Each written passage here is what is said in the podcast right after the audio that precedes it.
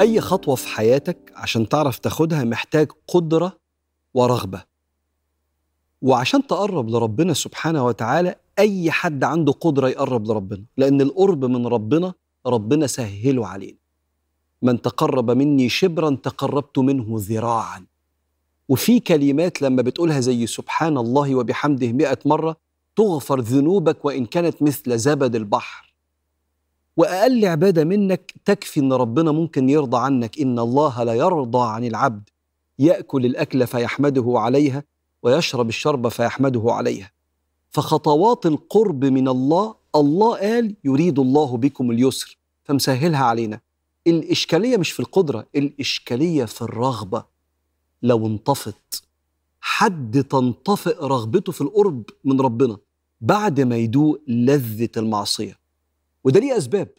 إيه اللي بيخلي الرغبة في القرب تنهار وتحتاج لإعادة بناء وترميم؟ رقم واحد فساد التصور عن ربنا. البني آدم اللي لسه معرفش ربنا كويس بيعتبر إن صفات ربنا زي صفات البشر بس أكبر شوية. فربنا سبحانه وتعالى عنده قدرة أكتر من البشر وبيملك أكتر من البشر وبيغضب زي البشر وبيفرح زي البشر. فتلاقي ربنا اتكلم عن نفسه يقول ليس كمثله شيء. لأن البني آدم لو اتعامل مع صفات ربنا إنها زي صفات البشر بس أكبر كل ما تحصل له أزمة يبقى ربنا زعلان مني غضبان عليا. كل ما ربنا يديله يبقى ربنا بيحبني أكيد. فأما الإنسان إذا ما ابتلاه ربه فأكرمه ونعمه فيقول ربي أكرمن. ما دام مديني يبقى بيحبني. وأما إذا ما ابتلاه فقدر يعني ضيق فقدر عليه رزقه. فيقول ربي أهانا كلا. مش معنى إن أنت عندك أزمات في حياتك إن ربنا غضبان عليك. عشان كده وحش قوي إن كل حد يحصل زلزال تحصل أزمة حد يجيله مرض الوباء يبقى ربنا غضبان. لا. ده في فساد للتصور عن ربنا.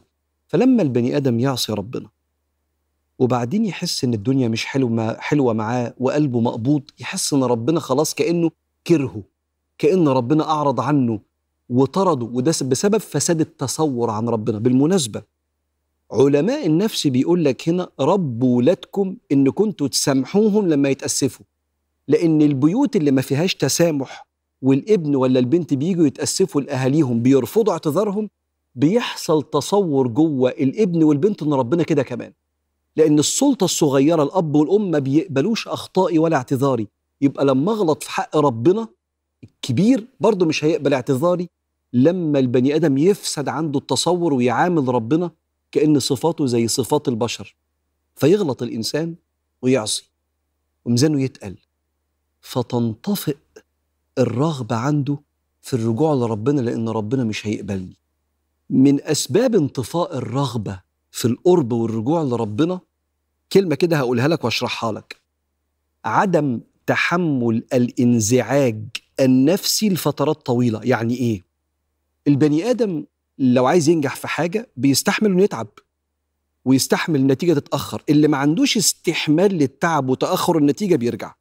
إنسان لما بيعصي ربنا قلبه بيوجعه ولما بيتوب لربنا ساعات ممكن يتوب لربنا فصدره ينشرح ويبات مطمن وساعات يتوب لربنا ولسه عمال بيبدأ بيرجع في الصلاة ويرجع في الصدقة والأدب والذوق وينزل يتحمل مسؤولية الشغل. وهو في السكة دي لسه قلبه إيه؟ واحدة واحدة كده إيه بينور. استحمل ده.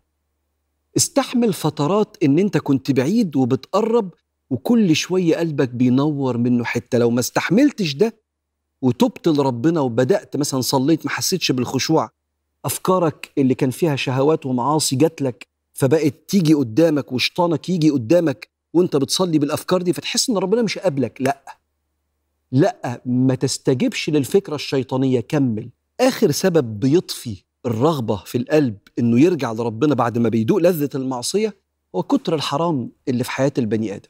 في كلامه وفي طريقة بحثه عن الرزق وفي علاقاته بالجنس الآخر وفي كذبه وفي غشه وعدم تحمله المسؤولية وممكن يبقى أهله آآ آآ زعلانين منه. يحس إن في حاجات كتير كده. أنا ربنا اتبرى مني. اتبرى مني لأن عندي غلط كتير في حياتي. عشان كده لما ربنا كلم أصحاب الكبائر قال لهم أنا ما اتبريتش منكم. فقال لهم قل يا عبادي الذين أسرفوا على أنفسهم لا تقنطوا من رحمة الله. إن الله يغفر الذنوب جميعا. إنه هو الغفور الرحيم. كأن ربنا بيساعدنا على ترميم اللي اتهدم من الرغبة في القرب منه. بانه بيقول لك أنت لسه عبدي وحبيبي مهما عملت بس ارجع لي وعيد بناء رغبتك في القرب من الله.